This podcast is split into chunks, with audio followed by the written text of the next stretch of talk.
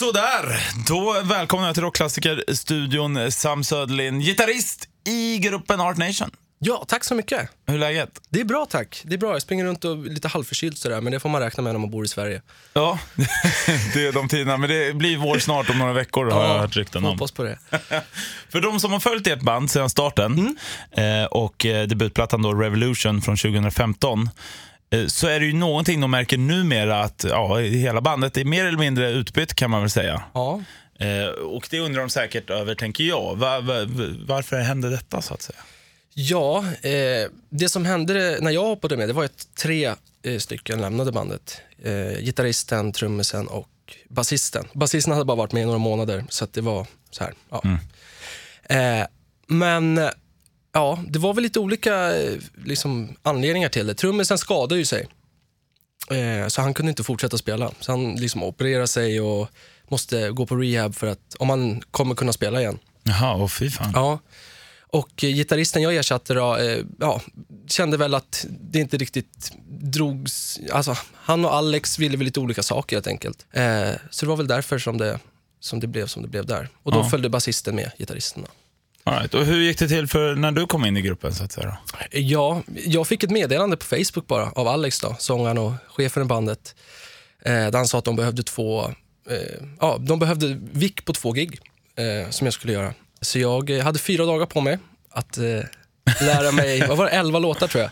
Right. Och de som har hört de låtarna och som liksom är lite musikaliska, det är ju inte de lättaste grejerna att eh, planka. Nej. Så här covergrejer, det är ganska lätt att planka 30 låtar på, på två dagar, för det, man fattar de låtarna. Men när det är massa så här snabba gitarrsolon och grejer, då var det att man fick ligga i. Och så var, var det de två spelningarna och det gick skitbra. Och sen så har jag fått vara kvar. Fan vad härligt. Ja. Hur är kemin i gruppen då, tänker jag, nu när det är många nya och, och så? Den är jätte, jättebra, verkligen. För att eh, Linus då, som spelar trummor, han, är, han och jag har spelat ihop i jättemånga år. Så jag rekommenderade ju honom till Alex då, när vi behövde en ny trummis. Ja, nej, allting känns jätte, jättebra. Vi är liksom utspridda nu, så tre av oss bor i Stockholm och två nere i Göteborg. Så vi, liksom, vi sköter allting på olika håll kan man säga. All right. Men det är skitkul. Ja, Och det funkar. jätte- Ja, det funkar jättebra. Ja. Eh, ni släppte ju nyligen en grym låt som jag har lyssnat in här nu hela veckan, Ja. Mm. eh, Infected. Och eh, om man jämför med de gamla grejerna så känns det här lite hårdare. Mm. Är det tack vare det nya eller? Alltså jag var ju först och främst ett fan av Art Nation. Och liksom älskar ju första plattan mer än de, de andra grejerna. Ja. Men det blir också det här lite grann att, som Alex resonerar, att han känner att bandet har gjort allting som han har velat göra. Så nu är det liksom så här, vad är nästa grej? Vad kan vi göra härifrån för att det ska bli ännu större och liksom utveckla oss? Och då liksom försöker vi hitta lite alternativa vägar till, ja, med, med typ det här att vi provar ett lite nytt sound, ser hur det går och vi, vi känner att det är väldigt fräscht och modernt och, och att det passar oss just nu. Mm så vi, det, var helt enkelt så det blev. Och Sen så jobbar vi tillsammans med ett jättebra låtskrivargäng nerifrån Skåne, tror jag att de är, någonstans, som gjorde den här låten till oss. Som liksom, ja, låten som vi fick till oss var ju inte alls som den blev. Utan Den var ju ganska lång. och vi, vi i bandet satt ju och liksom producerade den själva kan man säga. Vi gjorde, kortade ner väldigt mycket och så gjorde om lite grejer. Men resultatet var ju jättebra. Vi alla är jättenöjda.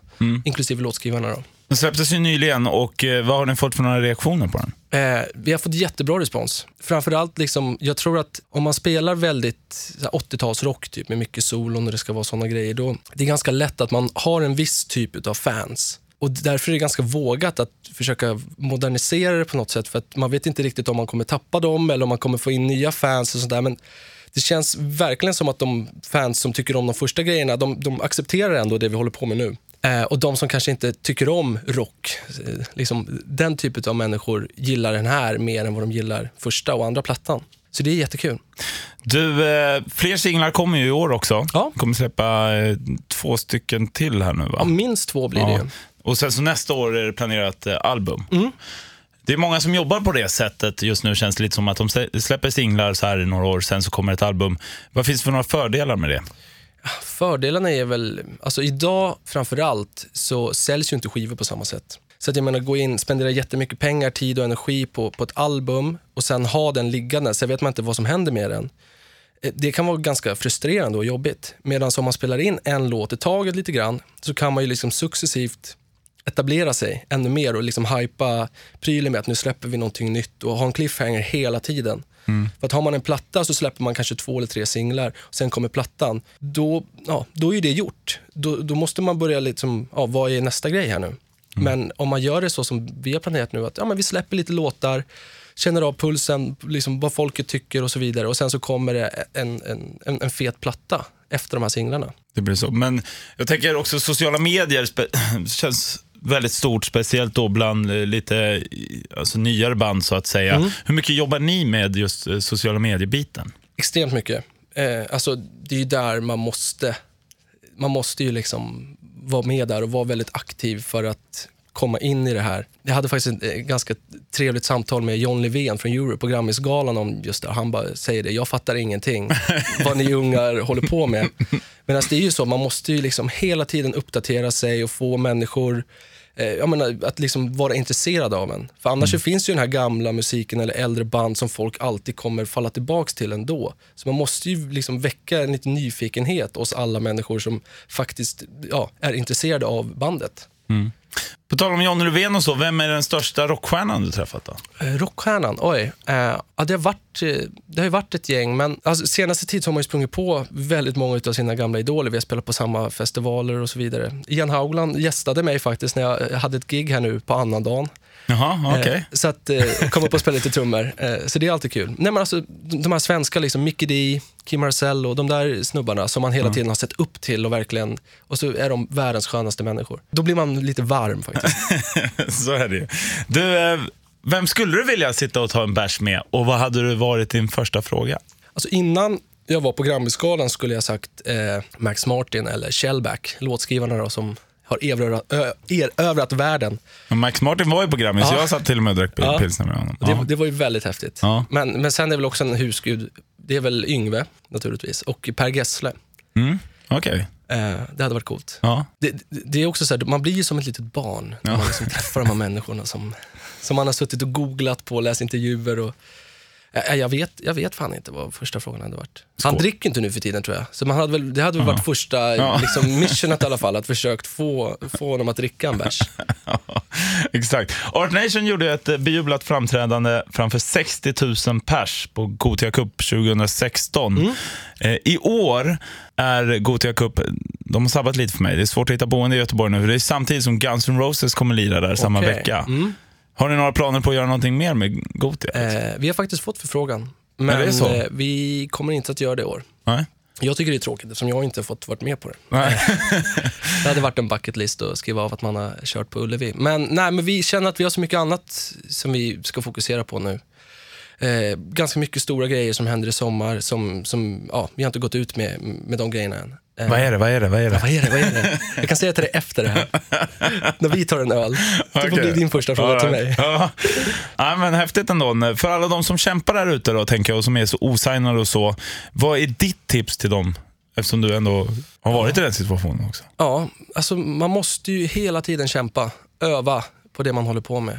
Eh, och verkligen inte, alltså försöka att inte, försöka att inte ha några andra alternativ egentligen. Alltså det har ju alltid varit musiken, men sen så här hur man kan lägga upp sitt liv också. Jag håller ju på med musik 100% liksom, hela tiden i olika grejer. Jag liksom undervisar eller eh, ja, spelar i olika sättningar och så här. Och det är ju absolut liksom, det, är ju det bästa. För mig känns det så jävla gött att jag, allt jag gör är med, har med musik att göra.